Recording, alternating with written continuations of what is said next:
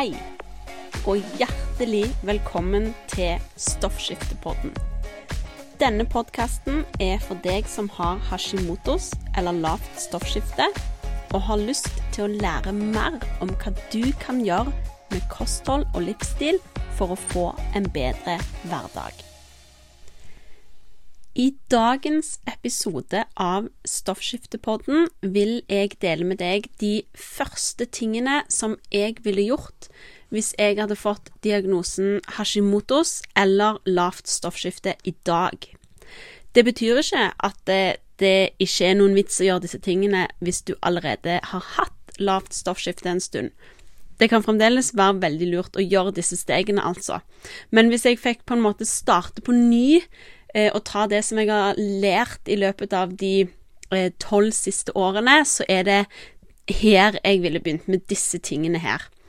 Um, du husker kanskje at eh, i forrige episode så fortalte jeg min, om min opplevelse hos legen den gangen jeg fikk diagnosen lavt stoffskifte, eller eh, teknisk sett eh, subklinisk hypotyreose, som jeg fikk eh, beskjed om, som er da begynnende lavt stoffskifte på, på godt norsk. Den gangen fikk jeg med meg en boks Levaksin hjem og beskjed om å komme tilbake og ta nye blodprøver etter tre måneder. Og det var det. Jeg skulle så ønske jeg òg hadde fått med meg en liste over ting som jeg kunne gjøre med kosthold og livsstil for å få det bedre. Og de tingene som jeg skulle ønske sto på den lista, det er de tingene som jeg har lyst å dele med deg i dagens episode av Stoffskiftepodden. Hadde jeg fått med meg denne listen, så kunne jeg antageligvis ha spart meg sjøl for mange kjipe år. Så den første, og kanskje aller viktigste tingen, er dette.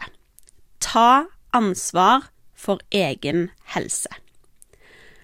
Du tenker kanskje at fastlegen din kan alt, og det er stor fare for at fastlegen din er et intelligent, oppegående og hyggelig menneske, men fastlegen skal kunne litt om alt.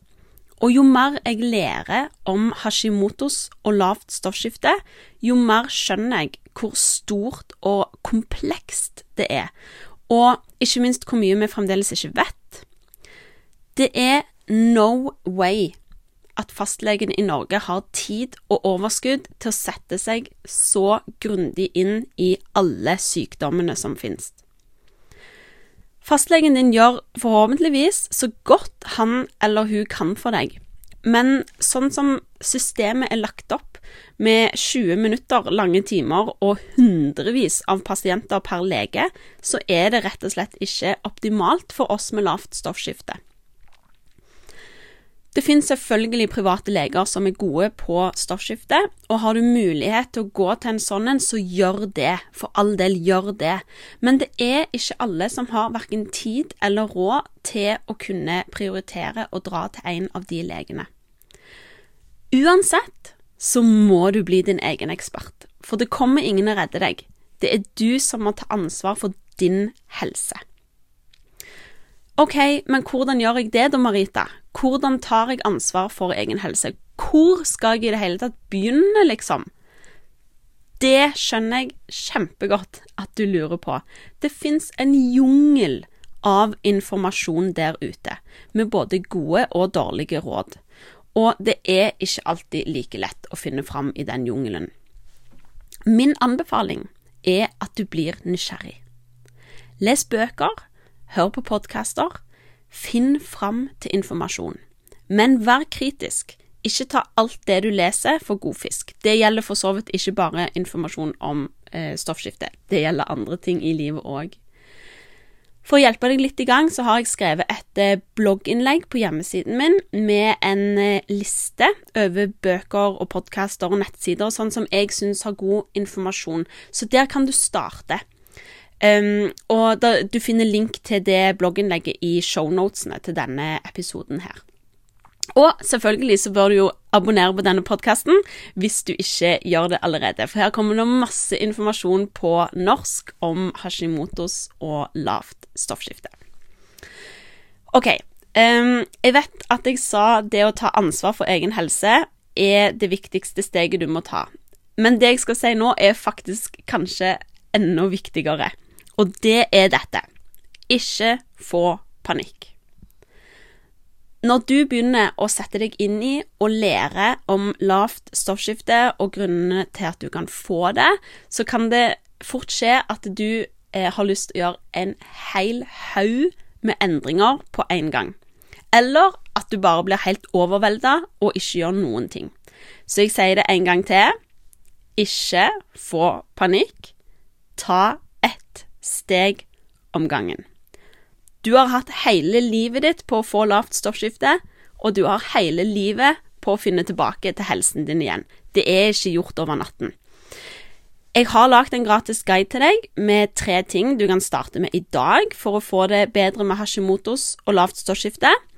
Så hvis du ikke har lasta ned den ennå, så finner du den på skaunutrition.com slash guide, eller med å trykke på linken i shownotene. Nå har jeg snakket litt om eh, viktigheten av det å ta ansvar for din egen helse, men å ikke få panikk, og huske å ta ett steg om gangen. Så nå går vi videre til litt mer konkret hvilke ting du kan gjøre for å få en bedre helse. Det aller første det er å ha fokus på tarmen din. Å ha en god helse henger sammen med å ha en god tarmhelse. For mange så er problemer med tarmen en av triggerne til at Hashimotos oppstår i første omgang. Og som jeg snakket om i episode nummer én, så kan Hashimotos føre til at du får lavt stoffskifte.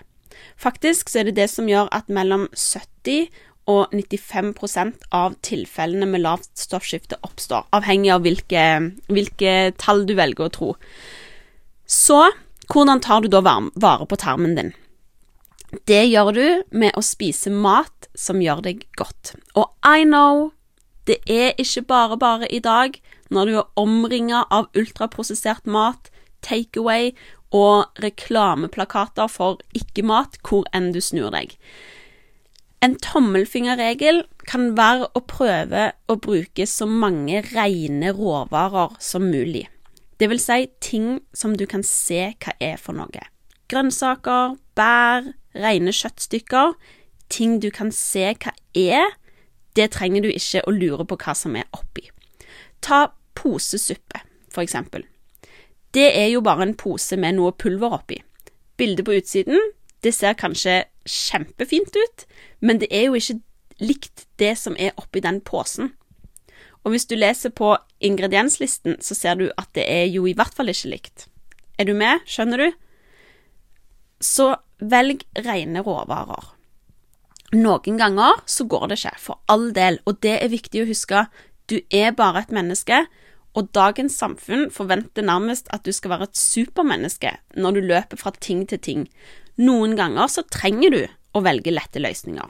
Men ta da en titt på ingredienslisten på det du kjøper. Hvis det inneholder en haug med rare ord som du aldri har hørt om, så kan det være lurt å ta akkurat den tingen og sette den tilbake i hylla, og se om du finner et bedre alternativ. Hvis du skal ha tomatsaus, eksempel, så kan det godt være at det er et alternativ, bedre alternativ å velge en boks med hakka tomat enn ferdig pastasaus på glass. Eller enda bedre, Kjøpe en pakke tomater og bruke en stavmikser til å mose de sammen. Det tar faktisk ikke så veldig mye lengre tid å gjøre det. Så det var litt om tarmhelse. Prøv så godt det lar seg gjøre å velge rene og uprosesserte råvarer, men husk at du er bare et menneske. Noen ganger må du velge lette løsninger, og det er ingen grunn til å banke deg sjøl opp for det. Neste ting du kan gjøre noe med for å få det bedre med Hashimotos og lavt stoffskifte, det er blodsukkeret. Å ha et stabilt blodsukker kan hjelpe deg å få det mye bedre. Og for at blodsukkeret skal holde seg stabilt, så gjelder det å velge mat som består av sunt fett, protein og karbohydrat med lav GI, eller SFPK-mat, som jeg liker å kalle det. Sunt fett det finner du i ting sånn som extra virgin olivenolje, extra virgin kokosolje, avokado, kokosmelk, ghee. Protein det finner du i kjøtt, kylling, fisk, egg, nøtter, frø. Og veldig mange proteinkilder de inneholder òg sunt fett. Karbohydrat med lav GI. GI står for glykemisk indeks. Det får du gjennom å spise grønnsaker. Og her finnes det så mye som du kan velge mellom. Det finnes så mange utrolig digge grønnsaker du kan bruke. Salat, eh, tomat, brokkoli, blomkål, sopp, hodekål, em, grønnkål, eh, forskjellige løker, paprika Altså, the list goes on. Det finnes så mye godt. Det kan være lurt å varmebehandle grønnsakene. Um, det er en del snakk om noe som heter goitrogener. og Det er noen stoffer som finnes i en del grønnsaker. og Noen påstår at dette kan skape problemer for deg med lavt stoffskifte. Ekspertene klarer ikke helt å bli enige om det stemmer eller ikke. Men uansett så blir de goitrogenene eh, nøytralisert når du varmebehandler grønnsakene. Så det kan være en lur ting å bare gjøre. Når jeg skal lage meg et måltid, så passer jeg på at det inneholder sunt fett, protein og karbohydrat med lav GI. Da holder blodsukkeret seg stabilt, og jeg har jevn energi og godt humør gjennom dagen. En fin bieffekt det er òg at jeg som regel ikke får noe søtsug om kvelden når eh, jeg holder blodsukkeret stabilt. da. Ting nummer tre du kan ha fokus på for å få det bedre, det er stress. Stresser du mye, så skiller kroppen ut masse, masse, masse stresshormoner som kan forstyrre stoffskiftet ditt. Og med stress så mener jeg alt fra å ha en full timeplan, eh, multitaske, gå rundt og bekymre deg for ting, ha tankekjør, spise på farten, til og med hard trening er stress for kroppen. Så mitt tips til deg, det er å prioritere deg sjøl og være snill med deg sjøl.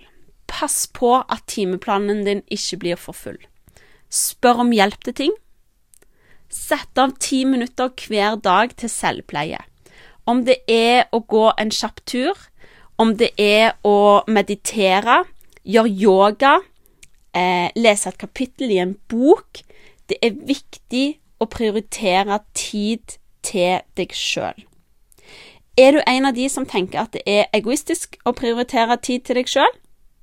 Jeg pleide å tenke det, nemlig at det var egoistisk av meg å si nei til noe fordi jeg skulle ha tid for meg sjøl. Men vri heller litt på det. På flyet så sier de at du alltid skal putte på din egen oksygenmaske før du hjelper andre. Vet du hvorfor de sier det?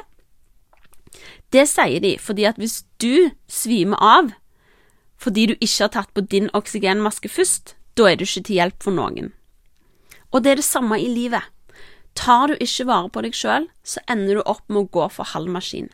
Tenk bare hvor mye mer du kan være til stede for de rundt deg hvis du sjøl har det bra. Ikke sant? Det er ikke egoistisk å prioritere tid til deg sjøl. Og du har herved tillatelse til å gjøre det. Hver eneste dag.